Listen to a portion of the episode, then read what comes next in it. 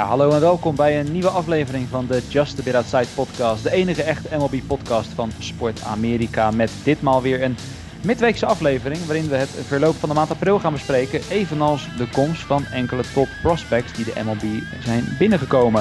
En dat doe ik, Justin Kevenaar, met een ervaren line-up. Want terug van weg geweest is Jasper Roos. Hey, goedenavond. Goedenavond inderdaad. En aan de andere kant zit Mike van Dijk. Hey, Justin. Ja, goed, uh, Jasper. Ik zei terug van weg geweest. Uh, nou ja, uiteindelijk, het is niet dat je een aflevering niet bent geweest, maar je bent even lekker op vakantie geweest. Uh, goed Heerlijk, bevallen? ja zeker. Ja, was fantastisch. Ik ben lekker even tien dagen in Portugal geweest. Even lekker in het zuiden van Portugal. Ja, eigenlijk aan helemaal niks gedacht. Ook niet aan honkbal. Dus ik heb even behoorlijk veel bij moeten tanken in de laatste paar dagen. Want dat was, zat er ook niet in die, die tijd. Ja, nou dat, dat snap ik ook wel. Als je inderdaad daar van mooie weer kan genieten, dan zou ik inderdaad helemaal het, hetzelfde doen. Maar goed, je hebt allicht nog wel een beetje wat kunnen volgen natuurlijk. Ja, maar goed, allereerst, waar wil je het deze aflevering niet over gaan hebben? Dat we niet zijn genomineerd voor de Podcast Awards. Helaas, hmm. niet gelukt. We kunnen niet op tegen de powerhouses van, uh, ja, wat was het allemaal in de sportcategorie, de Pantelich podcast en neutrale kijkers en zo. Dat zijn van die, uh, van die ja, luistercijferkanonnen, daar kunnen wij helaas niet tegenop. Maar goed, het, hmm. het, het was leuk. Trust the process, hè? het komt nog wel. Precies. Mike, waar wil jij het niet over hebben deze week? Ik wil het niet hebben over de verschrikkelijke statistieken van de Baltimore Orioles pitching. En zeker niet nadat ze Jesus Sucre, de, een van de weinige mensen met een 0.00 ERA na één inning geworpen te hebben voor de Orioles, gewoon dus wegdoen. Dat, is, ja. uh, dat was voor mij reden genoeg. Uh, het is weliswaar een catcher, maar toch. heb je een arm die in ieder geval nul kan houden. En dan, uh, ja, daar gaan we het verder niet over hebben. Nee, mensen die goed willen lachen, zoek gewoon de Baseball Reference pagina op van de Orioles. En uh, kijk maar even naar de vele cijfertjes uh, die vooral nogal hoog zijn aan. Daar kan je best wel goed uh, lachen, denk ik. Maar goed, um, waar ik het niet over wilde hebben is Addison Russell en zijn comeback. het is natuurlijk vorig jaar veelvuldig het nieuws gekomen. Addison Russell, die zijn vrouw slash vriendin ja, heeft geslagen. En dat is natuurlijk verschrikkelijk in die zin dat uiteindelijk wel geschorst is. Niet lang genoeg naar mijn mening. Maar goed, hij is nu inmiddels op de weg terug. In Triple A werkt hij aan zijn uh, comeback. En ja, uiteindelijk, hij zal terugkeren. Mensen verdienen een tweede kans. Maar ik vind ook weer niet dat we te veel aandacht moeten besteden aan zijn comeback. Uh, even tussendoor. Hij is wel naar Triple A gestuurd natuurlijk. En dat heeft een reden. Maar het gaat weer lekker bij de Cubs, hè? Met uh, dit ja. gedoe rond Russell. Uh, dat gedoe met dat bordje van een paar weken geleden dat er geen vrouwen de persbox ja, in dat, mochten. dat kreeg ik ook mee voor jou. Ja, ah. ja en uh, wat was er dan meer? Dat was nog iets van de week. Dus ze zijn weer uh, lekker puinhoop aan het trappen daar. Het is, het is toch een organisatie die even bij zichzelf te raden moet gaan over bepaalde dingen, denk ik, off the field. Want on the field gaat het wel weer aardig inmiddels. Ja, nou ja, waar het ook aardig gaat. En dan gaan we naar het moment van de week bij die andere club in Chicago, Jasper. Want jouw moment van de week komt daar vandaan. Want daar is één speler in specifiek die wel die wel lekker in zijn vel zit, hè? Ja, dat gaat hij al een paar weken uh, gaat hij als een speer. En, en, ik heb hem ook al meerdere keren genoemd, ook in andere situaties. We hebben natuurlijk de situatie gehad van de bad flip tegen de Royals... en de plunking en het uit het veld gestuurd worden en noem maar op. Tim Anderson is op dit moment uh, buitenaards bezig... en sloeg van de week een knetter van een walk-off home run tegen de Detroit Tigers. En gezien het feit uh, dat de Tigers natuurlijk een zware divisie-rivaal zijn... Uh, is dat erg lekker. En ik heb dus echt genoten van Tim Anderson de laatste paar weken weer. En ook de walk-off tegen Detroit is dan ook mijn moment van de week. Ja. Er was ook een aardige elevation bij die bedflip weer.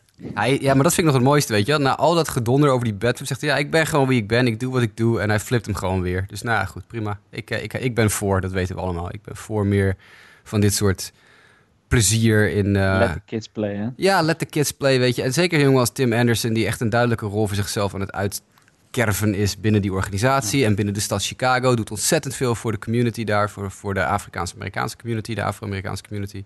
Hij is natuurlijk de enige Afro-American speler in dat hele team. Dat is eigenlijk heel bizar als je erover nadenkt. MLB heeft natuurlijk al jaren een probleem dat, uh, dat de donkere spelers niet meer naar de Major League gaan, of niet meer halen, of niet meer willen, of lekker gaan Amerika voetballen in plaats daarvan. Of basketballen. Ja. Um, Tim Anderson is de enige Afro-American in de, in de White Sox. Er hebben natuurlijk heel veel Latino's daar, maar ja, maar één African American. En dat is natuurlijk een team dat aan de South Side zit, waar een groot contingent Afrikaans-Amerikaanse mm. uh, mensen woont en zo. Kan deze jongen echt wel een serieus uh, boegbeeld gaan worden voor de club, voor de buurt, voor de stad. En uh, er wordt nu al gediscussieerd in Amerika op bepaalde praatradio. Wie is er een betere face of the city, een, een betere korte stop in de city? Javi Baez of Tim Anderson? Nou, dat kan nog een een leuke race gaan worden dit jaar. Want ja, Baez heeft MVP-stemmen gehad vorig jaar. En zover is Tim Anderson natuurlijk nog niet. Maar goed, nee. Tim Anderson is, is uh, wel een persoon die we ook nog wel een paar keer gaan noemen vandaag in de podcast. Want hij komt meerdere keren terug bij uh, andere onderwerpen. Dus eh, ik vind het eh, mooi om te zien hoe die bezig is. En die walk-off tegen Detroit, daar zat heel veel emotie ook weer in. En ja, je wilt toch altijd je divisie eh, concurrent verslaan. Dus. Dat is inderdaad altijd eh, mooi om te zien. Mike, jouw eh, moment van de week. Ja, na de avonturen van Spider-Man in de vorige aflevering wil ik nu de aandacht vestigen op, eh, op een, eh, een centerfielder die echt op dit moment meerdere spelers al heeft beroofd van een home run. En het gaat mij om de vangbal van Lorenzo Kane tegen de New York Mets. Todd Frazier sloeg een home run. Dat dacht hij, dat dacht iedereen. Maar het was wederom Lorenzo Kane die daar een stokje voor stak. En die heeft echt, echt, echt meerdere prachtige vangballen gemaakt. En home Ja. runs eh, gestolen dit seizoen. Hij staat op dit moment op, eh, op 9 defensive runs saved. Dat is het meest in de Major League. Hm. En eh, zijn defensive war is ook het hoogst in de Major League. Ja, dat is dan 1.0 op dit moment. Maar goed, dat is league leading. Ja. ja, mooi om te zien. Ik vind het ook vooral mooi om te zien dat zo'n speler als Lorenzo Kane... Ik was toch een beetje bang toen hij wegging bij de Royals... dat dan misschien ook een beetje de magie weg zou zijn, zeg maar, van, van zijn spel. Maar eh, toch mooi om te zien dat hij dat in Milwaukee gewoon uh, heeft gezet. En ook inderdaad vooral defensief gezien. Echt uh, week in, week uit mooie dingen laat zien. Ik, ik ga voor mijn moment van de week blijven ook bij Brewers Outfield. Maar meer om een hele andere reden. Meer een beetje om een ludieke reden. Was namelijk ook tegen de New York Mets. En toen wilde Ryan Braun een, een mooie bal vangen. Ik geloof dat hij van, de, van het slaghout van Pieter Lanzo kwam. Die bal die vloog lekker. En er was een fan die dacht van, nou, die bal kan ik misschien ook wel vangen. Dus die ging met bier en al ook lungen naar die bal toe. Net als Ryan Braun. Uh, uiteindelijk, ze vingen hem geen van beide. Het enige wat Ryan Braun wel ving, was een flinke bierdouche uh, van de fan wiens bier uit zijn handen viel. En het mooie was ook op Twitter, was vooral een beetje de tendens. Hè, want gezien het, het ja, discutabele verleden ook van Ryan Braun op het gebied van, uh, van doping. Dat veel mensen zeiden van, oh, dat is, wat, is het, ja, wat is het jammer dat zoiets gebeurt. Oh, maar het is Ryan Braun. Nou, dan is het eigenlijk wel grappig. dat vond ik ook wel, wel, wel, wel mooi om, uh, om, om, te zien. En dan moet ik zeggen, als ik de eerste reactie van Braun zag, kon ik er zelf ook wel, uh, nog wel redelijk om lachen. Ja, dat soort dingen kunnen gebeuren. Ik bedoel, ik zag vannacht bij de Dodgers ook weer een fan die tot twee keer toe... ja, ik wou het net zeggen. Uit zijn, uit zijn handen liet vallen en zo. Dat ging dan gelukkig niet over een speler heen. Maar ja, dat is het altijd in een stadion waar ballen rondvliegen. Dan kunnen, kunnen er wel eens etensresten of drinkresten maar wat, wat verloor die gast van vannacht? Eerste pizza en toen zijn friet, geloof ja, ik, hè, of zo? Ik geloof eer, eerste friet en zijn hotdog inderdaad. En toen had hij de bal ook wel daadwerkelijk. Die ving hij echt nog net, want er was ook een Giants fan die erop zat te azen. Toen had hij hem net. En toen, uh, ja, bij de volgende zat hij wel helemaal mis. En toen was hij ook echt zijn, uh, nou ja, toen zijn pizza slice was hij inderdaad kwijt. En ook daar werd gezegd, ik geloof door de commentatoren van, nou, dat is zo'n 75 dollar uh, gezien de Giants prijzen die je daar echt hebt, uh, hebt weggegooid. Maar ja, zit je, daar lekker, zit je naar een wedstrijd te kijken, krijg je in één keer een hele zak patat in je nek. Dat is ook lekker natuurlijk. Ja, maar, ja inderdaad. En ik geloof zijn vader zat ook naast hem. Die zag ook meteen na beide keren snel zijn telefoon pakken. Waarschijnlijk het thuisgrond even bellen om hem uh, ja, te zeggen dat ze even de tv aan moesten zetten. Dat was uh, inderdaad mooi, mooi is om te zien. Is, is het instinctief handelen of zouden jullie het er ook voor over hebben? Hmm. Zeg maar, al dat, al dat eten wat je hebt en wat het kost ah, ik, ik weet niet. balletje? Ik, nee. Als ik een beetje keek naar hoe hij reageert, ik zou misschien nog wel genoeg erbij zijn. Stel dat iemand, dat, dat mijn vriendin of mijn ouders naast me zouden zitten, dat ik nog wel snel even mijn, mijn patat zou weggeven of zo. Of hier snel, even beet. En dat je dan zelf gaat staan. Maar deze gozer ging echt gewoon met ja, alles in zijn handen staan. En dat, dat, dat, zou ik dan misschien weer niet doen. Maar ja, ik weet het niet. Ik ben nooit in die situatie geweest. Kijk, ik zou het liefst ook dan die, die biercatch, weet je wel, dat mensen doen. Dat ze hun volle ja, biertje de lucht insteken en die bal in die biercup vangen. Waardoor en het bier er allemaal overheen klotst, maar je hebt wel die bal in je bierbeker. Dat lijkt me dan wel echt, dat lijkt me fantastisch om een keer te doen. Dat, uh... Ja, nou, ik ben benieuwd. Als het goed is, ga ik deze zomer naar twee stadions. Dus dan zal ik de hele tijd met volle biertjes uh, praten. Heel goed. Gaan, benieuwd of het gaat lukken. Maar goed, serieuzere dingen. Ja, dat is eigenlijk niet heel veel nieuws uh, wat heeft plaatsgevonden eigenlijk de anderhalve week. Maar we hebben toch weer genoeg gevonden om te bespreken, gelukkig. Beginnend met uh, best wel wat interessante prospect call-ups, uh, Jasper. Want als we even de namen afgaan, hè, Vladimir Guerrero, Nate, was het nou Low of Lau? Wat was het nou bij deze jongen? Ja, we hadden het erover gehad, hè, van de week. Het is Brandon Lau en Nate Low.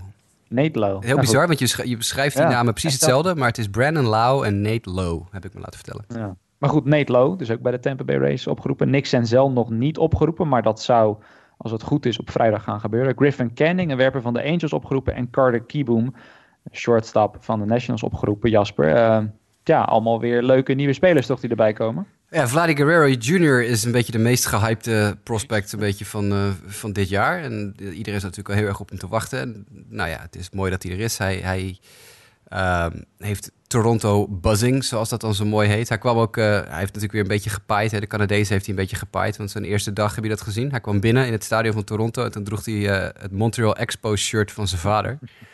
Van, van 20 jaar, 25 jaar geleden. Ja. Dat vind ik dan wel weer mooi. Dat, ja, heb ik wel mee.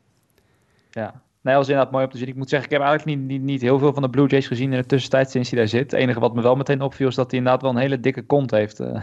Ja, hij heeft... eh, dus ja, inderdaad... eh, junk in the trunk, ja, for sure. ja. Nee, het is, het is bij, bij Vladi Guerrero, volgens mij is hij, zijn vader had eerder in zijn carrière een hit dan dat Vladi Jr. er eentje heeft. Dat is dan wel iets waar hij natuurlijk, het dal waar hij uit moet klimmen. Maar dit wordt gewoon een heel interessante speler om in de gaten te houden. Een jongen die, ja, als hij zijn hype gaat, gaat inwisselen, dan wordt dat een, ja, een hele leuke, goede honkballer. Ik zat trouwens van de week even na te denken, nu we het toch even over de Blue Jays en, en hebben, en zo hebben. Eh, we weten natuurlijk allemaal dat Vladimir Guerrero Jr. de zoon is van ex-honkballer Vladimir Guerrero. Maar en wij, wij hebben het ook wel eens gehad over uh, Bo Bichette, de zoon van Mhm. Dante Bichette, eh, die furoren maakte in de 90s bij de Rockies.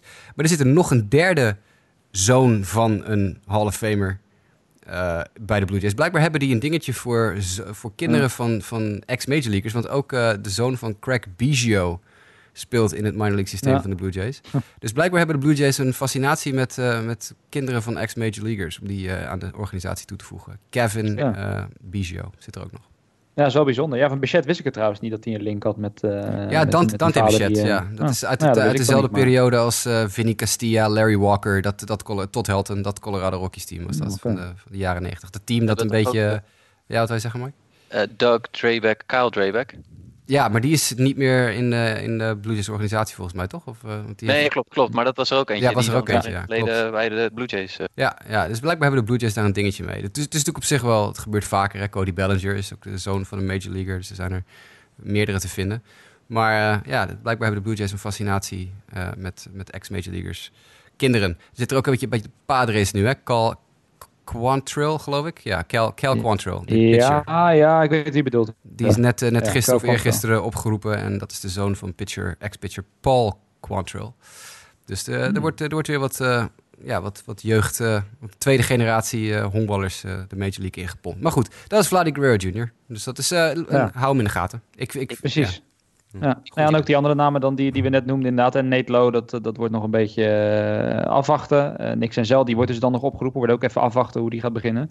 Eh, Griffin Canning van de Angels eh, ja, kwam voor mij een beetje uit het niets, moet ik wel eerlijk bekennen. Eh, maar toen ik uiteindelijk dan zijn statistieken bekeek, was het ook wel weer logisch dat de Angels hem opriepen. Want ja, de. Angels, wat hebben ze meer lopen daar? Niet heel veel. Nee, en, en toen, toen je eenmaal zijn statistiek had gelezen, was het te laat om hem te claimen in onze Fantasy League. Ja.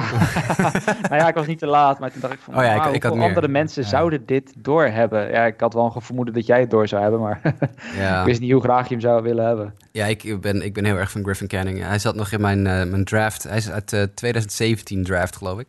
Dus hij zat nog uit mijn draft preview van, eh, van 2017.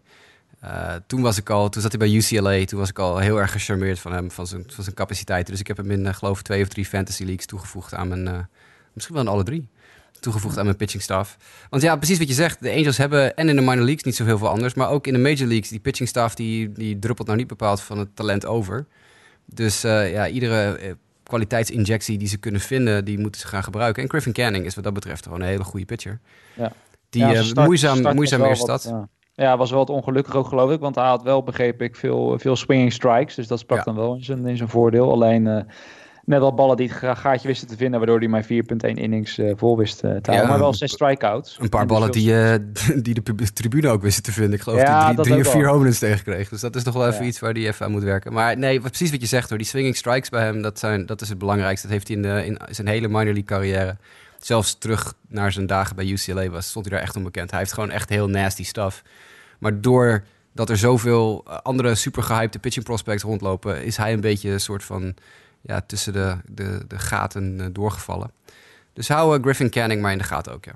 Ja, ja had erover gesproken. Dat is dan niet iemand die we waarschijnlijk, of tenminste, dat, daar ga ik wel vanuit dat we die dit jaar niet gaan zien. Maar Casey Mize bijvoorbeeld, hè, de, de nummer 1 draft pick van de Tigers. Tigers, ja. dat- Daar las ik dan van de week over dat hij, dat hij geloof ik een no-hitter had gegooid. En als je Klopt. die ERA's van hem ziet, in, in die levels waar hij nu gooit, dat is echt gewoon allemaal onder de 1. Dat is echt schrikbarend. eh, Ja. Goed Ja. gewoon. Dat ze ook al zeggen van, kijk, komend seizoen, dat is natuurlijk veel te vroeg. Maar dat sommige sites nu al schrijven van, nou, als die zo doorgaat, kijk niet op als die misschien ergens volgend jaar uiteindelijk... eh, enige, eh, enige wat hij moet, moet, in de gaten moet houden is dat zijn- zijn strikeout nummers zijn ook vrij laag. En hij was in, bij Auburn was hij wel een behoorlijke strikeout pitcher ook. Niet extreem, maar eh, dat weet hij in de minors op dit moment nog niet te doen. Dus inderdaad, hij staat echt, ah, echt absurd goed te gooien. Maar eh, ik zou zeggen als ik de Tigers was, van oh, geef hem nog even inderdaad de rest van dit jaar om ook aan zijn strikeouts te werken. En ga Ja. volgend jaar inderdaad pas nadenken aan of die eh, je, je team kan versterken. Maar die staat, ja, die staat fabelachtig te gooien. Dylan Cease staat geweldig te gooien in AAA voor de White Sox. Hij en Casey Mize zijn zo'n beetje de twee beste startende pitchers in de minor leagues op dit moment. Eh Cease van de week weer 11 strikeouts in, geloof zes, zeven innings.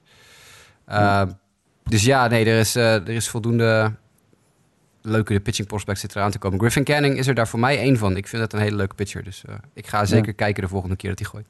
Ja, nou, om een blokje dan af te sluiten. Ik zei net, Carter Kieboom eh, had dan wel een hele goede start, ook meteen. Ik meen met de home run ook, maar inmiddels wel wat, wat stilgevallen. Zit nu op een eh, on-base percentage van 240 en nog steeds maar op twee homers en twee RBI's. Dus misschien toch even, eh, even aan het niveau. Maar tot slot, en dan wil ik hem toch ook even aan Mike geven, om je toch ook even hier, eh, hierbij te betrekken. Want er is er ook wel een leuke jongen in de D-backs organisatie, die het seizoen al wel begon bij de Major Leagues.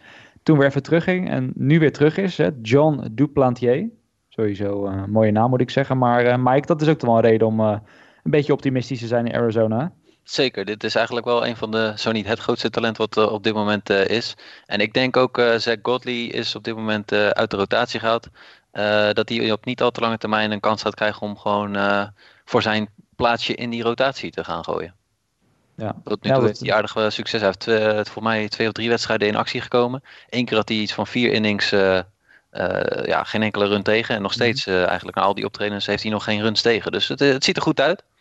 Nee, precies. Ook een whip onder de, onder de 1 nu in de 8 innings. Hij heeft zelfs een keer een save. Dat was geloof ik dan inderdaad in die wedstrijd waar hij vier innings gooide. Dat hij dan de save kreeg. Omdat hij eh, dan de laatste drie, vier innings eh, gooide. Maar eh, ja, leuk, leuk om te zien. Een goede naam ook. Hè. Dat is er ook altijd wel wat waard. ik, het, ik wil net zeggen, en ik ben blij dat jij het zo uitspreekt. Want we hebben nog een andere rookie in, in de National League West.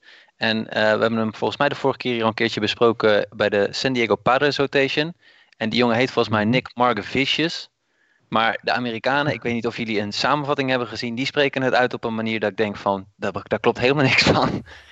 ja, Nee, dat heb ik niet gehoord. Nee, dat ik, heb, nou, ik heb het wel één keer voorbij horen komen. Ik kan me, ik kan me het even niet meer voor de geest halen. Maar... Margevicius of zo. Het is Ja. echt, ze maken er niet van wat het, wat het moet zijn. Dat je echt denkt van, dat, dat is niet wat er staat. Dus, maar John Duplantier, dat zeggen ze dan weer wel. gelukkig. Ja. Ja, wat hier, ja, staat ook inderdaad bij pronunciation op eh Baseball Reference Mark Vicious. Nou ja, dus zo Ja. zou je het uit moeten spreken inderdaad. Nou ja, Go bijzonder inderdaad. Maar goed, tot zover dan de, de prospect call-up slash, eh, slash rookie watch. Dan gaan we door naar teams die eh, misschien toch een klein beetje in de problemen zitten. Na een gewoon wel goede of acceptabele start.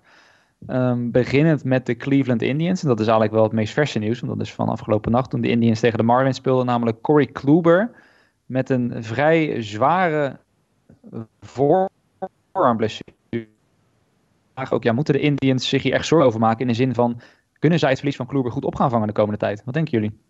Eh, ja, eh Corey Kluber heeft zijn eh, voorarm, inderdaad zijn onderarm gebroken. Dat zullen we even herhalen voor de mensen thuis, want jij viel even weg. Maar we weten gelukkig wat je ging zeggen. Nou, Hij kreeg een, een comebacker inderdaad tegen zijn arm en heeft zijn onderarm gebroken. Dus die is er wel een tijdje uit. En kunnen de Indians dit te boven komen? Nou, dat is maar de vraag, denk ik, als ik heel eerlijk ben. Want als je kijkt naar d- dat hele Indians team, op dit moment zijn er eigenlijk maar twee spelers die ertoe doen. Eh, Lindor en Ramirez. Nou, Ramirez heeft al een bijzonder matig seizoen tot nu toe. Die, die lijkt niet meer te weten hoe je moet slaan.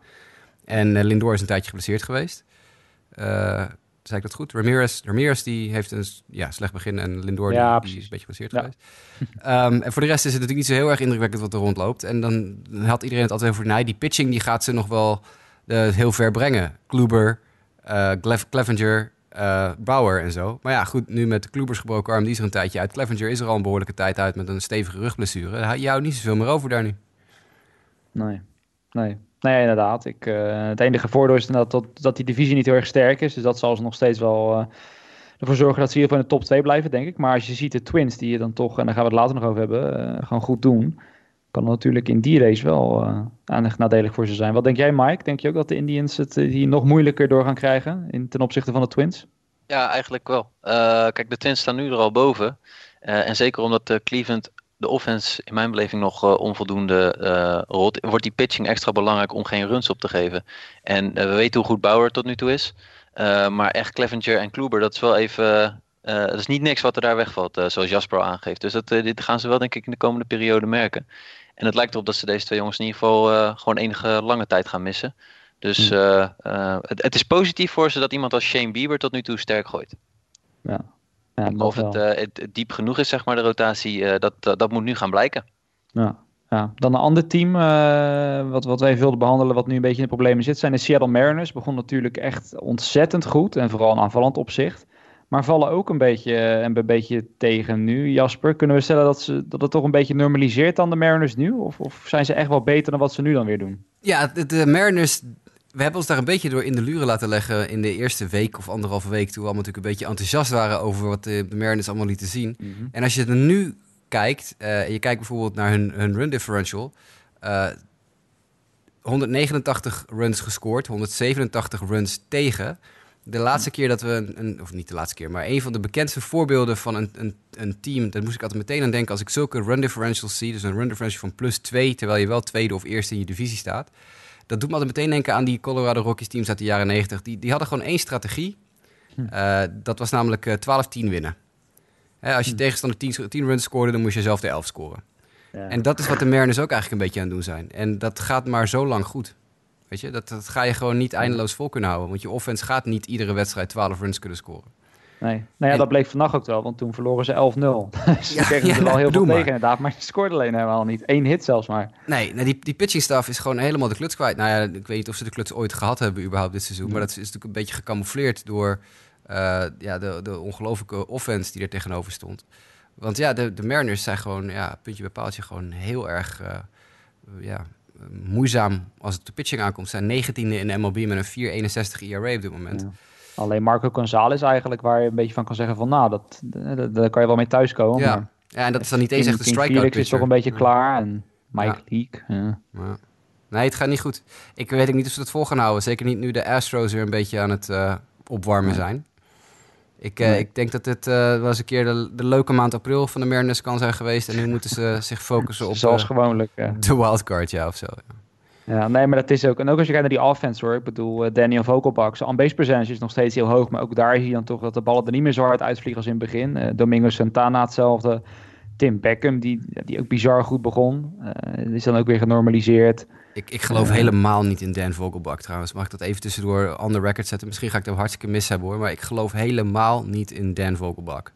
Dat is een jongen die, die nu ineens uit het niets dit loopt te doen. Uh, ik, ik, ik zie het niet. Ik, ik, er zit ook heel veel onderliggend bij waar ik niet, uh, waar ik niet heel veel mee kan.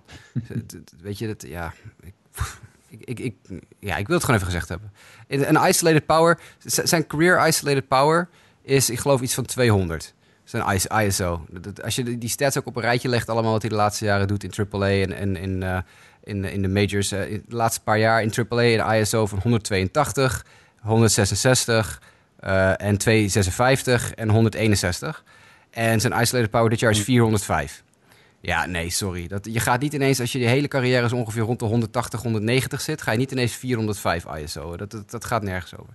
Dus dit, is, dit, dit, gaat, dit, gaat heel, dit gaat weer terug op aarde komen binnenkort. Ja. Dan nou ja, het, wordt, ja, het enige wat hem misschien kan helpen, want dat is het enige wat tot nu toe wel een beetje stand houdt, is hoge on-base percentage. Hè, wat hem dan, dan, vaak in de minors, wat hij vaak ook wel had. En tot nu toe zit dat nog op 4,48. Dus... Ja, nee, dat heeft hij altijd inderdaad wel gehad. Dus dat, dat on-base percentage geloof ik ook wel. Uh, dat, dat, dat, dat, daar vertrouw ik wel op. Want inderdaad, hij heeft altijd boven de 400 eigenlijk in, uh, of net onder of net boven de 400 uh, in, in de AAA gehad. en in de lagere minors ook. Maar ik geloof helemaal niet in die, deze power output. Echt gewoon helemaal niet. Die gast heeft zoveel gaten in zijn swing. Hij kan amper swingen omdat hij zo'n dikke buik heeft. Hij kan bijna om, niet om die buik heen. nou, dat gaat nooit, uh, gaat nooit lukken. Dus ik, ja. ik verwacht een, uh, een terug op aarde komst van Dan Vogelbak. Ik, ik, uh, ik hou hoop. Het is halverwege een ja. fancy team om een goed gevoel te behouden. Maar ja. als we dan even doorgaan, en dat zal ik die wel aan jou geven, Mike. Een ander team wat ook na een goede start toch iets is teruggevallen, dat zijn de New York Mets. En bij de Mets is het vooral, ondanks dat er wel net dan iets interessants is gebeurd bij de Mets, maar dat zullen we misschien tot het voor aan het einde bewaren van de, wat ik je nu ga doorgeven, is dat de, de Mets eigenlijk dan het vooral laten afweten op de plek waar je het niet verwacht, hè? Pitching. Ja. Maar ja, dat is uh, uh, het positieve nieuws is zeg maar dat uh, Familia, de reliever, Juris Familia, die nog echt totaal niet best was dit seizoen, uh, in ieder geval wel naar de injured list is. Dus ja. dat is zeg maar uh, kan die geen bij subtraction, zoals ja. uh, Jasper dan altijd zegt. maar die is in ieder geval voorlopig niet beschikbaar, want die heeft last van zijn schouder. maar ook de, de, de mensen waarvan wie je eigenlijk de dominantie verwacht in de starting rotation. Noah Syndergaard en, en Jacob de Grom zijn, laten we zeggen, nog niet in een uh, Cy Young vorm als het ware geweest, zoals ze kunnen zijn. Ja, dus dat, dat is een uitdaging. Je ziet eigenlijk ook bij de Mets een beetje vergelijkbaar was met de Mariners. Een gigantisch goede start op zich.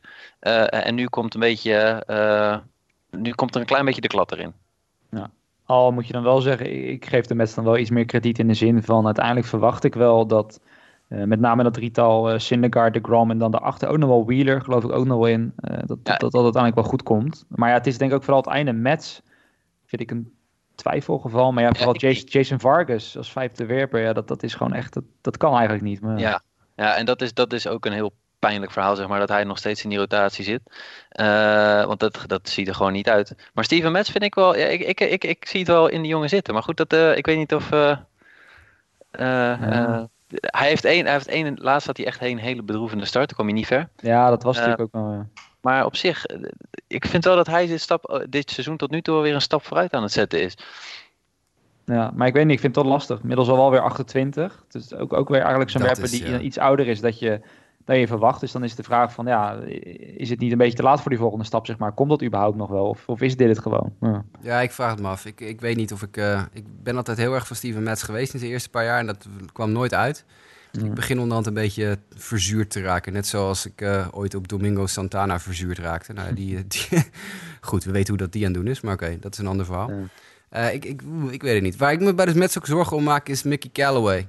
Want ik vind dat hij hmm. niet goed managt. Ik vind echt serieus dat deze man gewoon niet goed managt.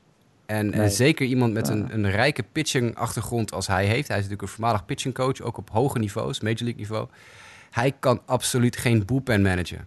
En dat zijn er wel meer hoor in de Major League die dat niet kunnen. Maar hij, hij springt er echt iedere keer uit. Waarom in een close game verdomt hij het om Edwin Diaz in de achtste inning op de heuvel te zetten? Dat doet hij uit principe niet. Dat heeft hij ook al gezegd. Ja. Uit principe doet hij nooit Edwin Diaz erin in de achtste Alleen maar negen inning. Ja, en dan verliezen ze dus voortdurend in de achtste inning. Want de rest van die boepen, die kan helemaal niks. Als de licht chargeren even. Maar goed, ik bedoel... Als je natuurlijk een close game hebt... dan zet je toch je closer in de achtste inning er al op? Mm -hmm. Maar dat doet hij ja. dus uit principe doet hij dat dus niet. En dat is, dat is een dusdanig gedateerde manier van managen... die ik niet verwacht had bij een relatief jonge manager als, als hij nog is... Deze man moet echt even wat gaan leren. Want in zijn eerste jaar kan je hem nog het voordeel van de twijfel geven. Maar in zijn tweede of derde jaar moet dit soort dingen moeten toch ja, wat meer een automatisme worden. Ja. Dus ik denk dat de Mets ook vooral lijden onder het, het gebrek aan vernuft in zijn manager. Ja, dat vind ik niet heel onterecht, uh, inderdaad. Overigens wil ik dan nog wel... Uh, even nog een shout-out geven allereerst aan Pieter Lonzo. Hè, yeah, buddy. Waar, ja, Rookie of the year. een beetje verbitterd ben dat hij mij in uh, onze Fantasy League is ontglipt. Maar goed, hij doet het leuk, hij doet het goed en dat is mooi om te zien. En ook toch wat Jeff McNeil, dat blijft toch wel een grappig verhaal vinden. Gewoon uh, die, die ergens totaal onbekende er vorig jaar bij kwam en nu gewoon 3,65 staat te slaan met een on-base percentage van 4,50. Uh, die, die, die komt echt elke dag wel zo'n beetje in ieder geval één keer op de honken terecht. En dat is wel grappig, want Jeff McNeil is een beetje, ook wel een beetje een darling bij de fans als iemand die uit het niets dus bij het team is gekomen. En nu gewoon prima zijn ding doet. Dus uh, dat zijn eigenlijk dan twee spelers die wel heel erg in positieve zin nog steeds opvallen. Maar ja, vooral de pitching, die moet weer zijn, zijn vorm zien te vinden. Dan gaan we naar drie jongens die ehm, ja, niet bepaald een goede week hadden. Een beetje om verschillende redenen. En gaan we even snel doornemen om wie we ons nou het meeste zorgen moeten gaan maken. We beginnen met AJ Pollock, die weer eens geblesseerd is. En ditmaal aan zijn elleboog voor de Dodgers. Hij zal dus enige tijd gaan missen. Dan hebben we een andere situatie, die van Lewis Brinson, de jongeling van de Marlins, waar we toch altijd wel ja, redelijk wat hoop in hadden. Maar die is nu teruggestuurd naar AAA omdat het maar niet wil werken. En Jose Leclerc uh, leek toch wel de vaste closer in Texas te zijn, maar laat zoveel, of geeft zoveel walks op, ja, dat het gewoon niet meer kan. Dus is nu demoted, zoals ze dat mooi noemen, en geen closer meer in Texas. Jasper, geef ik hem eerst aan jou. om wie van deze drie moeten we ons, gezien de situatie, het meest zorgen maken? Ja, allemaal. uh, ik, ik, maak me het minste zorgen over José Leclerc. Laten we, dat, laten we daarmee beginnen. Dan draai ik je nou vraag ja, even een beetje om. Ja. Uh, want Leclerc heeft natuurlijk een dikke verlenging getekend uh, afgelopen offseason. Heeft vorig jaar een fantastisch seizoen gehad. En er is al gezegd door de Rangers, we halen hem tijdelijk even uit de closer role. We geven hem even de kans om, uh, om, hem, om zijn adem te vinden, om zijn, om zijn situatie eventjes onder controle te krijgen. En er wordt geen enkele, op geen enkele manier vanuit de Rangers gezegd dat hij nu niet meer uh, de closer zal worden in de toekomst. De, punt 1, te veel geld zit erin. Punt 2, hij is te jong. En punt 3, ze hebben al duidelijk gezegd, hij komt wel weer terug. Dus ik maak me het minst zorgen over José Leclerc. Uh, Lewis Brinson. Eh, ja, die tijd begint wel een beetje op te raken inmiddels. Dat klinkt heel gek, want hij is nog, Ja. nog behoorlijk jong. Eh, maar ik, ja, weet je, als iemand eenmaal drie jaar in de, minor, in de majors heeft, een poging heeft mogen wagen. En, en iedere keer wordt het helemaal niks vergeleken met wat hij in de minors doet. Ehm, ik vind het moeilijk. Hij is 24. Het is niet zo dat hij oud is. Pollock weer geblesseerd. Ja, nee. Eh, minste over Leclerc, meeste over Pollock. En Brinson, vanwege zijn leeftijd, heeft hij nog wel even. Pollock is gewoon, ja... Ik wilde hem niet draften in fantasy en noodgedwongen heb ik hem in twee of drie leagues heb ik hem gewoon gedraft. Omdat hij in de, weet ik veel, de 15e, 16e, 18e ronde nog beschikbaar is. Ik denk, ja, oké, weet je, ik gok het er wel op. Maar ik heb hem in één league al gedropt en ik kan jullie al vertellen, hij gaat morgen op waivers in onze league. Dus dat, eh, Ja. ik, ik, Nou ja, ik, maak je, me wel eh, zorgen om hem, ja. Ja. Nou ja, de blessure is ook op zich eh, eh, eigenlijk weer een, eh, aan dezelfde arm als waar hij al aan geopereerd was. Het punt is, daar zit eh, vanuit een oude blessure, een breuk, eh, is er een plaatje in gezet. En die is afgelopen weekend zeg maar eh, gaan irriteren en gaan, eh, gaan infecteren. En dat is tot op heden niet eh, goed. Hebben ze dat kunnen behandelen met antibiotica. Dus ze gaan dat plaatje nu verwijderen. Dus ik ben benieuwd inderdaad hoe dat gaat houden. En, maar hij gaat in ieder geval enige tijd missen. Ja. Dave Roberts die spinde dat geloof ik wat positiever. hè, Door te zeggen, ja, we zijn blij dat het plaatje eruit kan. Want dat betekent dat het allemaal genoeg geheeld is, zodat het, dat hij zonder kan. Ja, Ja. dan, dat, dat is glas half vol. Precies. Ja, nou ja, maar dat, goed, als eh, manager moet je dat wel doen natuurlijk. ja. Ja, nee, denk dat- precies. Ik denk dat de Dodgers in ieder geval wel blij mogen zijn dat ze iemand als Alex Verdugo achter de hand hebben. Dat eh, wat dat betreft het gat niet in ieder geval wel opgevuld kan worden. Maar eh, ja, het is wel zonde om weer te zien. En Lewis Brinson, ik, omdat je net erover hebt, ik zit even zijn cijfers erbij te halen. Het is inderdaad wel echt, de, de struggle is real inderdaad. Van zijn debuut bij Milwaukee met een 1.06 batting average naar 1.99 vorig jaar, nu 1.97. Ja, on-base percentage ook niet veel hoger. Dat eh, is niet best. Maar ja, laten we inderdaad hopen gezien zijn leeftijd dat er toch nog wat hoop is. En vooral voor Miami natuurlijk te hopen dat er wat hoop is. Want het is natuurlijk wel heel zuur dat je dan zo'n prospect terugkrijgt in een trade. En dat het dan eigenlijk eh, helemaal totaal niet eruit komt. Maar goed, tijd zal leren of het uiteindelijk wel gaat, eh, gaat werken voor Lewis Brinson. Dan verder, want de eerste maand, de maand april, die is nu voorbij. We hebben het net al een beetje tussendoor over gehad. Hè? Teams die ons toch een beetje teleurstellen nu na een goede start. En daar gaan we toch nog even op, op verder op voorborduren. Of er nog andere dingen positief of negatief opvallen. Eh, Mike, zal ik hem eerst aan jou geven? Dan doen we eerst het glas half vol. Eh, wat, welke teams of spelers vallen jou tot nu toe positief op na één maand? Positief eh, qua teams ben ik eigenlijk wel verrast door de Pittsburgh Pirates. Ik had ze slechter gedacht dan wat ze nu waren. En ze waren redelijk eh, goed begonnen. Eh, dus dat eh, die- beter, beter dan wat ik, eh, wat ik had, eh, had voorzien. En ook positief verrast door de Cardinals. First team to 20 games, zeg maar ongeveer. Net na de Dodgers. Maar ik, had, ik had niet gedacht dat zij echt even vooruit zouden lopen. Want ze staan gewoon nu drie wedstrijden en vier wedstrijden voor op de Cubs en de Brewers. Dus ik ben benieuwd hoe dat gaat houden. Ehm, dan hou ik het even positief en dan doen we zo negatief. Ja, ja we, we doen eerst even positief. Eerst even positief. Jasper, mag je, mag je ook even wat positiefs eh, spuren? Ja, wat leuk. Eh, Ja. Ik ben positief verrast in zoverre door de Tampa Bay Rays. Nou had ik wel een klein beetje de, de illusie, de hoop dat de eh, eh, het wat beter zouden doen weer dan vorig jaar nog. En ik had ze natuurlijk als derde ingeschat in de divisie. Maar ik moet zeggen, aan de, aan de ene kant verbaast het me niet dat ze het beter doen dan ik had gedacht. Maar ik had ook niet gedacht dat ze het zoveel beter zouden doen dan ik had gedacht. Want dit team is op dit moment aan het weglopen met de AL East. En dat is natuurlijk heel opvallend. En daarbij natuurlijk de doorbraak van, eh, van Tyler Glasnow in die rotation. Eh, dat dat ja, geeft dat team natuurlijk extra glans. De, de Tampa Bay Rays ben ik heel erg positief over te spreken.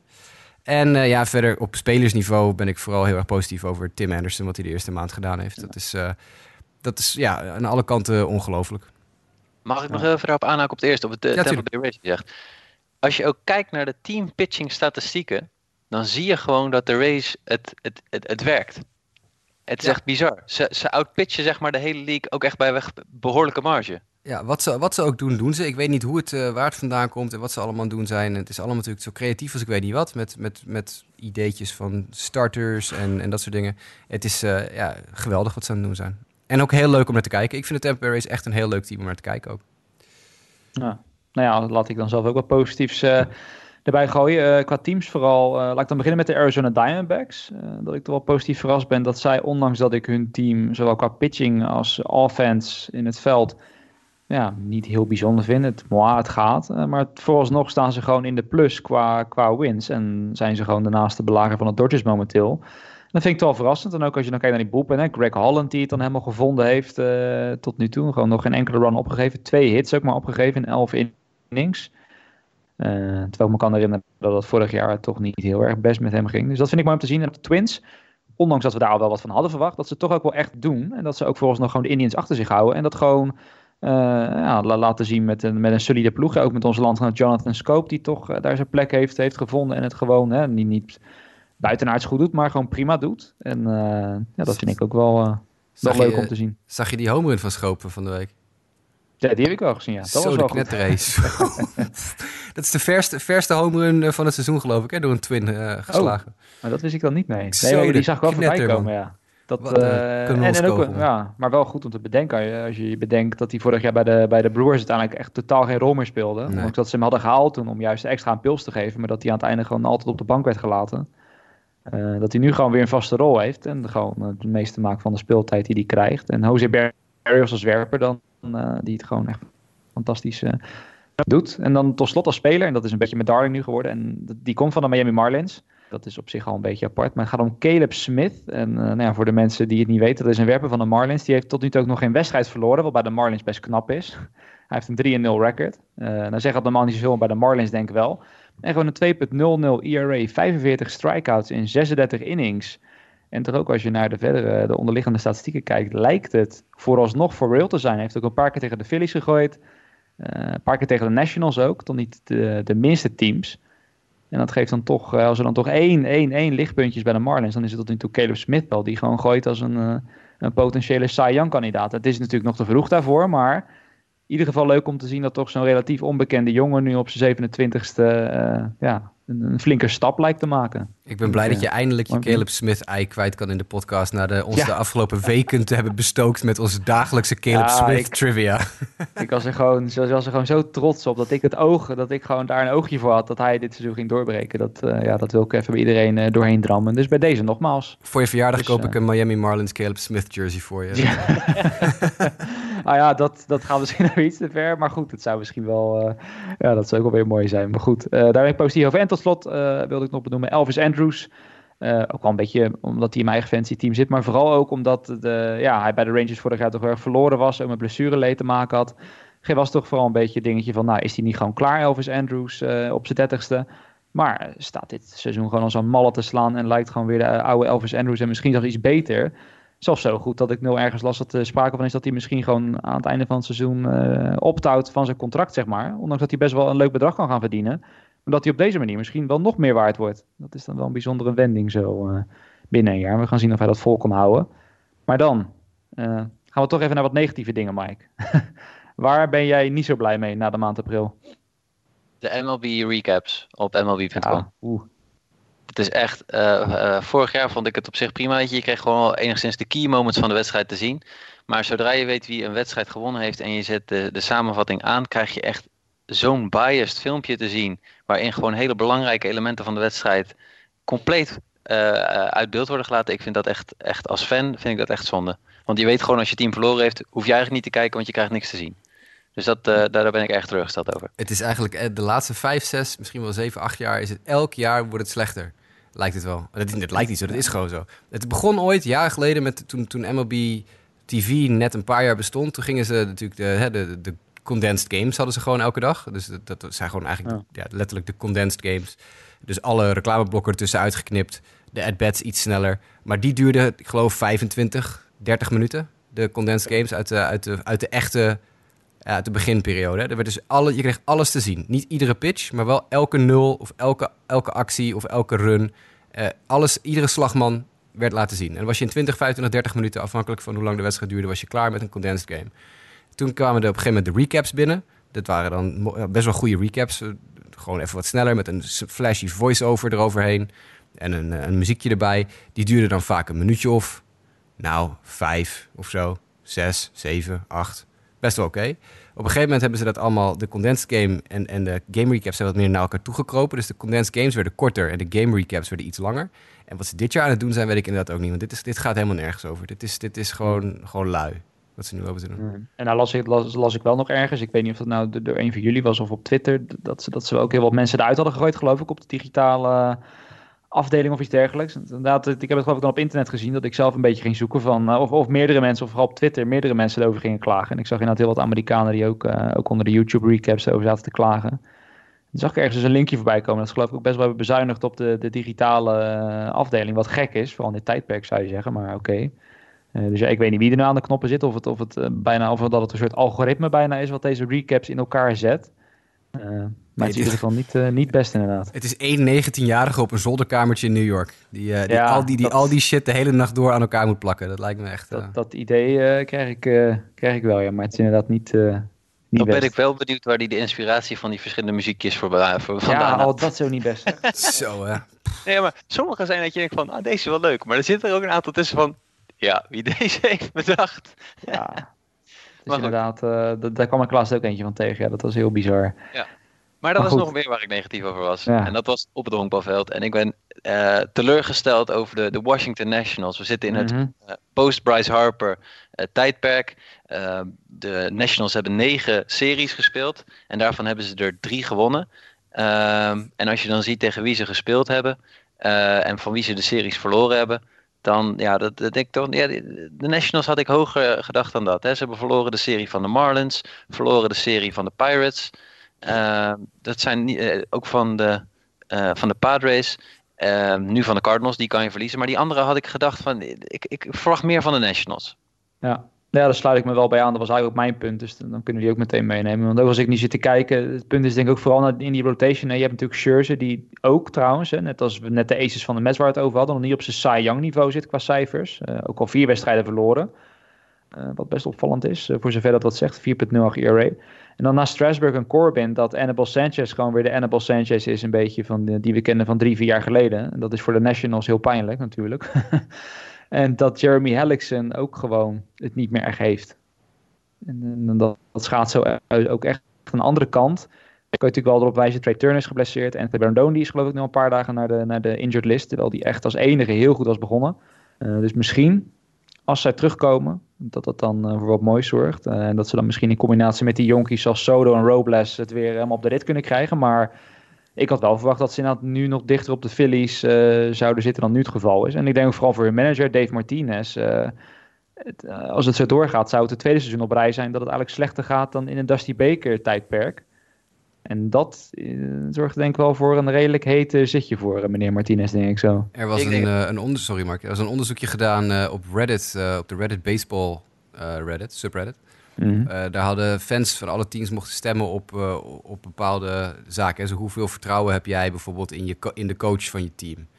En daar hebben ze uiteindelijk een statistiekje van gemaakt. En het, het team met het minste vertrouwen in de coach was eh, de Washington Nationals. Ja.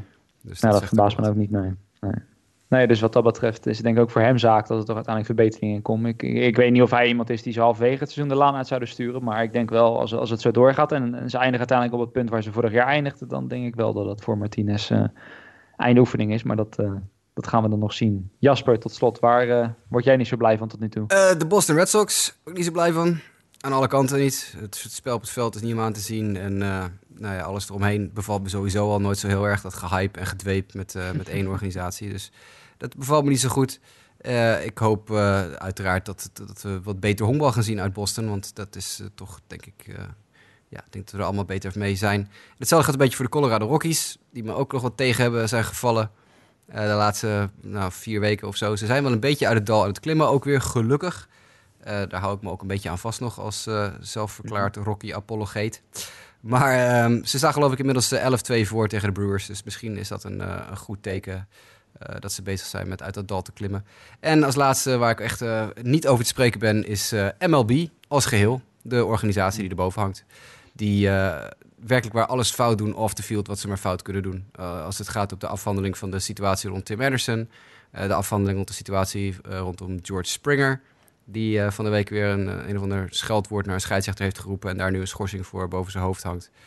Eh, of onder het mom van dat was een eh homofoob scheldwoord. Nou, ik kan er met de beste wil van de wereld geen homofoob scheldwoord in zien. Want ja, goed, oké. Dat ligt aan mij misschien. Ehm, En, en natuurlijk al een andere gedoe waar ze mee bezig zijn met, met een, hun heel erg gechargeerde Twitter-campagnes, die ik maar matig gelukt vind. En, uh, en dat meer, nog veel meer geleuter. Uh, ik, ik, ik, ik ben niet te spreken over wat MLB aan het doen is op dit moment. Dus ik hoop dat ze binnenkort eens eventjes met de tijd meegaan. Ja, nee, helemaal mee, uh, mee eens. Om misschien dan daarop voor te beduren. Je begon dan over de Red Sox. Uh, laten we dan tot slot nog maar even bespreken. Wat, wat voor teams denken we dat toch weer de weg omhoog gaan vinden? En wie nemen we ons daadwerkelijk in de maling? Wat ik denk toch wel met de Red Sox, en Mike zei het net voorafgaand, het is misschien een open deur. Maar toch, als je dan de afgelopen week kijkt, het is nog steeds misschien niet zoals het moet zijn. Maar langzaam maar zeker komt die offense in ieder geval een beetje tot leven. Uh, ik zie Rick Porcello ineens weer een goede wedstrijd gooien. En toch beetje, beetje kruipen ze terug. Een beetje in die divisie. Uh, dat ze denk ik uiteindelijk wel weer rond de top uit zullen komen. En dat ze uiteindelijk wel, ik denk over een maand zou me niet verbazen als ze gewoon weer rond 500 uh, staan. En de Mariners, daar heb ik het net over gehad. Als ik dat er maar meteen toe mag voegen. Een team waarvan ik denk, die nemen ons in de maling. Dan zijn dat de Mariners om redenen die we denk ik eerder hebben aangegeven. Uh, ik heb in het begin van het seizoen ook voorspeld, uh, was ik ook een van de weinigen dat ik zelfs denk dat ze vierde worden in de divisie. En uh, het zou me echt niet verbazen als ze zelfs zo ver terugvallen dat inderdaad de Angels, de A's of de Rangers, hoe dan ook, er op een bepaalde manier overheen gaan. Ik, ik, heb er gewoon echt geen vertrouwen in als ik zie hoe, dat, hoe ze nu spelen. En ja, ik denk niet dat het beter wordt. Mike, waar denk je wel dat het, dat het beter wordt? Milwaukee. En ja. niet dat het zozeer daar heel slecht gaat, maar ik denk dat het veel beter kan nog. Dus ja. uh, ik, ik, ik, zie hun nog wel echt uh, uh, een gaspedaal ergens vinden. Ja. Mogelijk de komende maand. Ja, want ze hebben natuurlijk wel een achterstand weg te werken. Dan. Ja, ja, precies. Dus, maar die, die, gaan nog wel, die gaan nog wel wat meer op stoom komen dan wat ze, wat ze nu zijn. Mm -hmm. En als je dan ook over flukes hebt en teams die nog wat gaan wegzakken. Ja, dan denk ik toch dat de Arizona Diamondbacks op dit moment een wow. hele goede roadtrip achter de rug hebben gehad. En ook nu een paar goede wedstrijden thuis achter elkaar. Maar ik, ja, ik, ik denk niet dat dit een, een goed genoeg team is om zeg maar boven 500, ver boven 500 te gaan spelen. Nee, dat uh, moet ik zeggen, daar kan ik me wel een beetje in vinden, ja. Jasper, nee, je, je hebt het denk ik net al een beetje aangegeven wel, welk team je meer van verwacht, maar ja, de Rockies. mag nog een keer halen, ja. Ja, ik blijf bij de Rockies. het, het, het, kan gewoon niet. Het, het, het, is, het team is gewoon over de hele linie, zit het te goed in elkaar om, uh, om slecht onbod te blijven spelen. En nou ja, gezien het feit dat ze zo dik voorstaan tegen Milwaukee op dit moment, is dat misschien een goed teken. Ik denk ook dat ze nog wel een impuls gaan krijgen van wat jonge spelers. Misschien dat, uh, dat, dat, de jonge gasten de, de boel aangetrapt krijgen. Of dat ze uiteindelijk voor kiezen om Brandon Rodgers op te noemen, op te roepen als, uh, als impuls uit de minor league. Een van de super top prospects in Amerika. Uh, ik, ik denk dat uh, Colorado gaat, dat, dat, dat, moet, dat moet goed komen. Ja, nee, dat, uh, dat denk ik ook helemaal. En bij wie denk je dat helemaal niet goed komt? Texas. Ja. Daar geloof ik niks van. Ik, volgens mij houden, houden de Texas Rangers houden ons voor de gek. Ze staan er nu veel beter voor dan dat ze er zou, voor zouden moeten staan. Het is een beetje hetzelfde als met Detroit. Weet je, we hadden het een paar weken geleden over de Tigers. Met het idee van, ja, ze staan er heel goed voor. Uh, ze staan eerst in de AL Central. Iedereen, haha, hoe kan dat nou? Uh, toen zeiden we allemaal toch al van, nou, dat, over een paar weken staan ze gewoon weer onderaan. Nou, ze staan inmiddels weer bijna onderaan. Dus dat, dat ja. is... Dat, maar hetzelfde met Texas. Tot, tot moet ik wel als groot. En dat is dan misschien wel. Na de eerste week waren sommige verschillen echt best wel groot. Maar toch lopen bepaalde teams die wel weer een beetje op elkaar in te lopen. Dat is dan wel weer uh, opvallend. Ja, dat ja. wel. Maar ja, goed. Weet je, het, normaliseert allemaal. En dit Texas team, daar zit, niet, daar zit geno niet genoeg kwaliteit in om zo te blijven honkballen. Nee, nee. Ik vind ook vooral, uh, nu ik aan terug zit te denken, uh, wel grappig dat ik vorige week natuurlijk het over had dat we niet over de Cincinnati Reds moeten hebben uh, totdat ze wat presteren. En we hebben het nu inderdaad geloof ik de hele aflevering inderdaad niet over gehad. Ze staan ook inderdaad nog steeds onderaan in hun divisie. Nou, daar komen we in ieder geval ons woord na. Ja, dat, dat, dat moest ik ineens terugdenken. Ik zat aan die stand te kijken. Ik dacht van, oh ja, de Reds staan nog steeds onderaan. En ik had gezegd, we gaan het er pas weer over hebben als ze het, uh, als ze het beter gaan doen. En vooral, uh, wat misschien nog wel grappig is tot slot, uh, om mee af te sluiten. Want de Marlins en de Orioles zijn momenteel ook statistisch, en dat verbaast ik niemand, de slechtste teams. Met de Royals trouwens wel, moet ik toegeven. de Orioles staan 11-21, de Roy Royals 11-20 en de Marlins 9-21. Als je nu vandaag moet zeggen, wie met slechtste record gaat eindigen. Wat zeggen jullie dan? Mike, jij als eerste? Baltimore. Jasper? Baltimore. Ja, ik ook dan wel. Puur omdat de Marlins Caleb Smith hebben. Ja, die precies. Die extra, die, ja, die hebben tenminste iemand die, die een beetje kan werpen. De Orioles, die, die, komt om, langer dan iemand in de buurt. Om hele bizarre redenen gaat Caleb Smith MVP-votes krijgen aan het eind van ja. het jaar. Want hij heeft ja, de Marlins single-handedly uh, boven de laatste plaats. Cy Young, uh, ondanks dat de Marlins dus, uh, 50 ja. wins hebben of zo. Dat zou denk ik ook wel een unicum zijn. Dat iemand de Cy Young wint bij een team dat een historisch laag aantal wedstrijden wint. Dat, dat zou ik wel willen zien. Maar goed, tot slot. We gaan even door naar de mailback dan. En dan Zullen we, zullen, we, naar- zullen we voor de mailback doen nog even een paar andere dingen doen? Even trouwens. Die Oh ja, oh ja, dat is goed. Ja, ja, natuurlijk nog wat meer dingen. Ja, Ja, ja, tuurlijk, Eh, ik, ik wil even, zullen we even heel snel Player of the Month allemaal noemen? In De NL en de EL. Kies even je Player of the Month. Ja, bij de NL weet ik het wel, maar Nou, roep maar. even kijken. Ja, Caleb Smith. nou ja, nee, ik, eigenlijk... eh, laten we maar Christian Jelic zeggen. Ik bedoel, laten we dat ook even niet vergeten. Die hebben we ook niet benoemd de hele uitzending, maar... Paul. Ja, mag wel hè. Mike, NL? Eh, Cody Bellinger, ik bedoel, vanaf het begin, eh, eerste weekend, eh, heeft hij echt een eh ontiegelijk goede indruk op mij eh, gemaakt. Ja, voor mij ook Cody Bellinger. Eh, natuurlijk eh, 14 home runs, net als Jelic in, de, in april. Eh, werden daarmee eh, twee van vier spelers in de geschiedenis die eh 14 home runs in de maand april sloegen. Voor de mensen thuis, Alex Rodriguez en Albert Pujols waren de andere twee. Ehm, maar ja, voor absoluut Cody Bellinger voor mij ook. American League? Hmm, ja, ik denk dan toch Tim Anderson. Hè? Als je gewoon puur ook kijkt naar wat je misschien het meest heeft verrast. eh, d- daar spring ik misschien nog niet tegen iemand helemaal bovenuit. Ik zou ook Tim Anderson zeggen dan. Nu zo zitten kijken. Hm. Ik ook. Ik- Ik, eh, ik niet. Jij gaat voor Domingo Santana of zo? Ik twijfel tussen Tyler Glasnow of eh, ja, ja. Trevor Bauer. Ja, Glasnow Oh, ja. is wel echt een serieuze ook, Ja. Ja. Glasnow is de Ian. Snell van vorig jaar. Maar, ja, maar dan zijn we eigenlijk het vals spelen. Hè? Want eigenlijk moet je bij Player of the Month moet je een speler van de maand kiezen. Want er wordt ook een Pitcher of the Month aangewezen in de Oh, MLB. Oké, oké, oké. Nou, oké. Als, we, als, als we dan ook een, een hitter noemen, dan eh, eh, ja, Tim Anderson. Ja. ja, want de pitchers heb ik niet over nagedacht stiekem. Dus bedenk, schiet me nu ineens te binnen dat hij altijd wel... eh, Nee, maar wacht, Glasnow wacht. denk ik wel de meest terecht te zijn. Ja. Ja, weet je wat? Dan doen we dat ook gelijk. En dan zeg ik gewoon Glasnow in de EL en Chris Paddock in de NL. Zo, nu jullie weer. Hmm, nou ja, ik, ik ga dan ook voor Glasnow inderdaad. Zit ik even te denken in de... Je gaat hier niet Ja. voor Caleb Smith? Ja, nee, moet toch wel. kan ja, toch wel. Je moet voor Caleb. Toch wel. Ondanks dat ik ook, dat die hebben dan helemaal niet, niet benoemd trouwens, maar het is ook wel een beetje darling van de show. Om toch een beetje Reds liefde erin te krijgen. Dat Luis Castillo dat ook gewoon hartstikke prima doet, toch?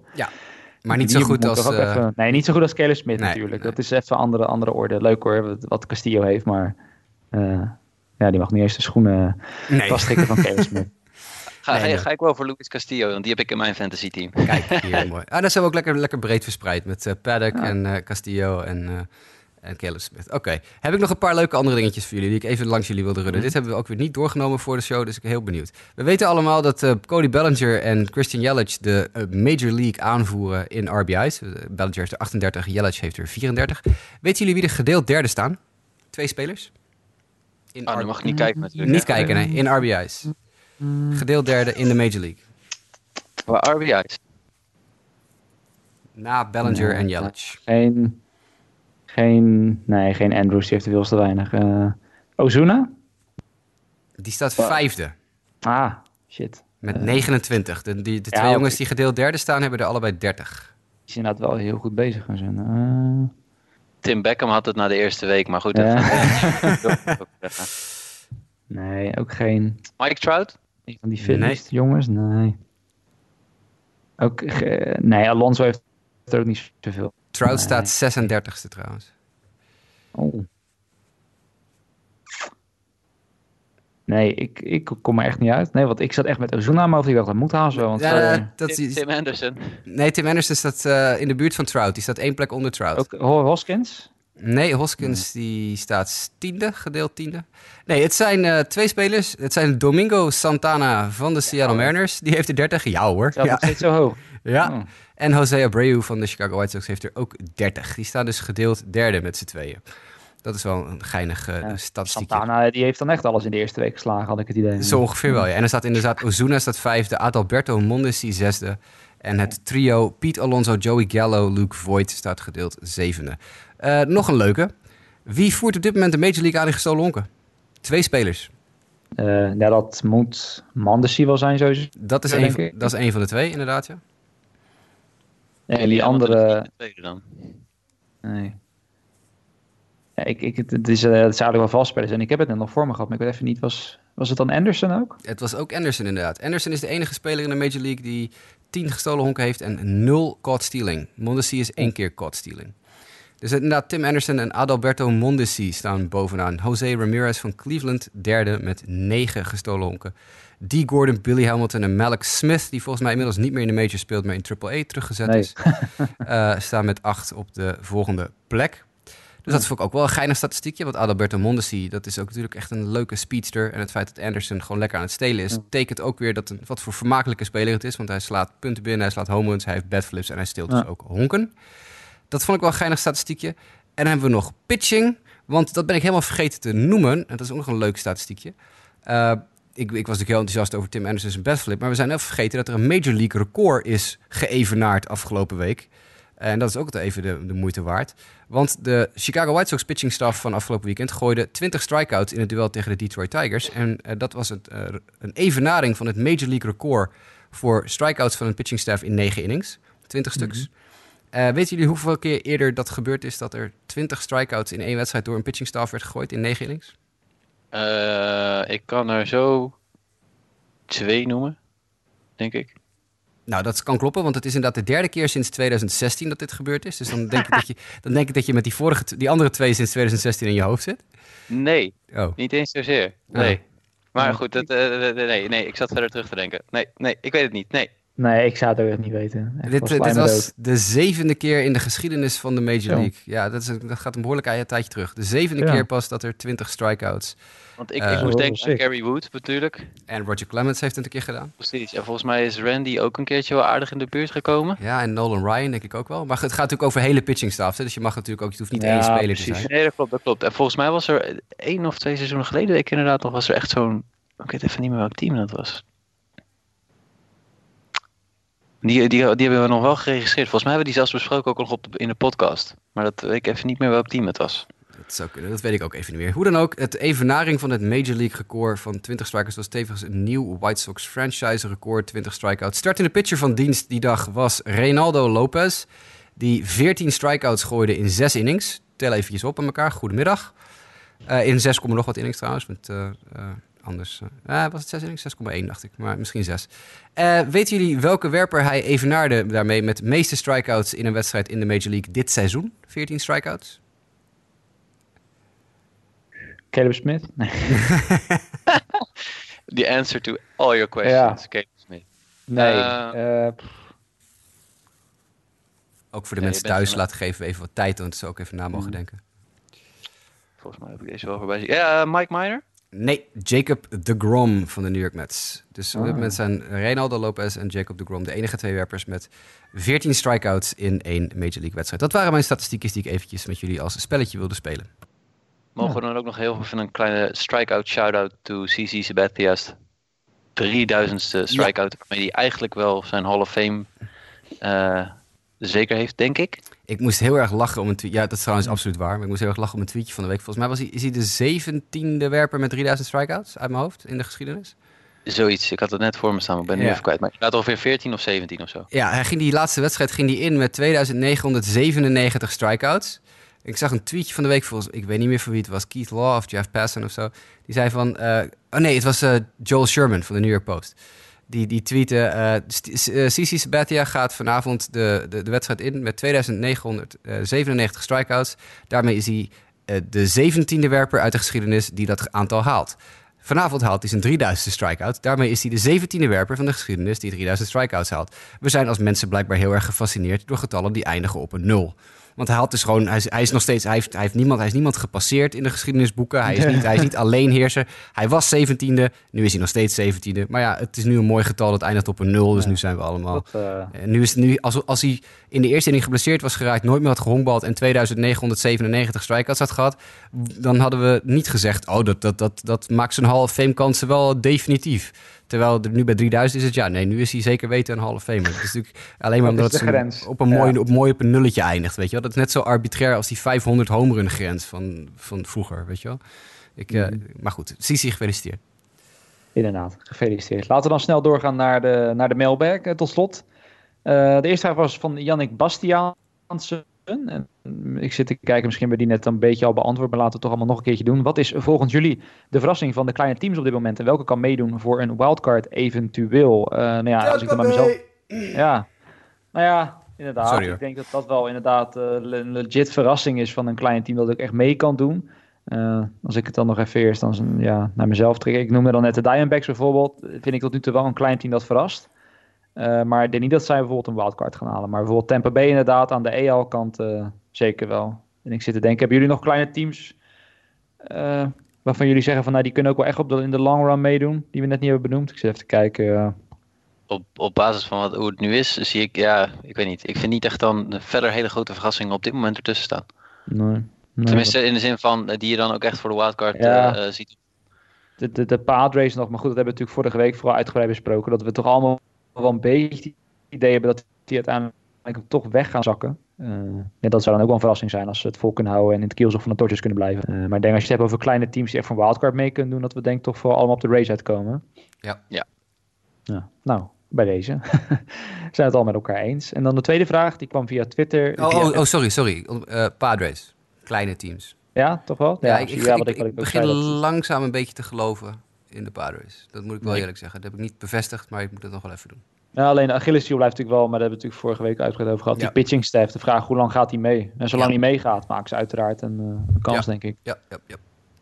Dan de tweede vraag, die kwam van Ed Popov via Twitter. Uh, het was een Cubs-gerelateerde vraag. Vind Jasper altijd leuk, Cubs-gerelateerde vragen. De vraag was, moeten de Cubs Mike Montgomery traden voor een reliever? En dan neem ik aan dat hij bedoelt ja, voor een betere of goede reliever. Uh, moeten ze Mike Montgomery traden allereerst? Uh, vind ik lastig te zeggen, want hij staat geloof ik al een tijdje op de injured list hè, sinds het begin van het seizoen. En toen was hij echt dramatisch, meen ik. Dus laten we alles misschien zeggen, moeten de Cubs bullpen versterking halen? Dat anders dan maar het tweede deel vooral beantwoorden. Jasper, dat, dat lijkt me toch wel, dat ze uiteindelijk wel, als ze echt willen meedoen, uh, iets van versterking moeten houden, toch? Ja, nee, zeker. Dat, ieder team gaat op een gegeven moment, zeker een team dat meedoet in principe om divisietitels en, en op wildcard plekken of wat dan ook, die gaan op een gegeven moment boep en hulp halen. Dus dat, dat gaan ze zeker doen. Uh, ik, ik vond het wel een, een, een originele vraag in zoverre dat moeten de Cubs Mike Montgomery traden? Ja, morgen. Maar kunnen ze hem traden?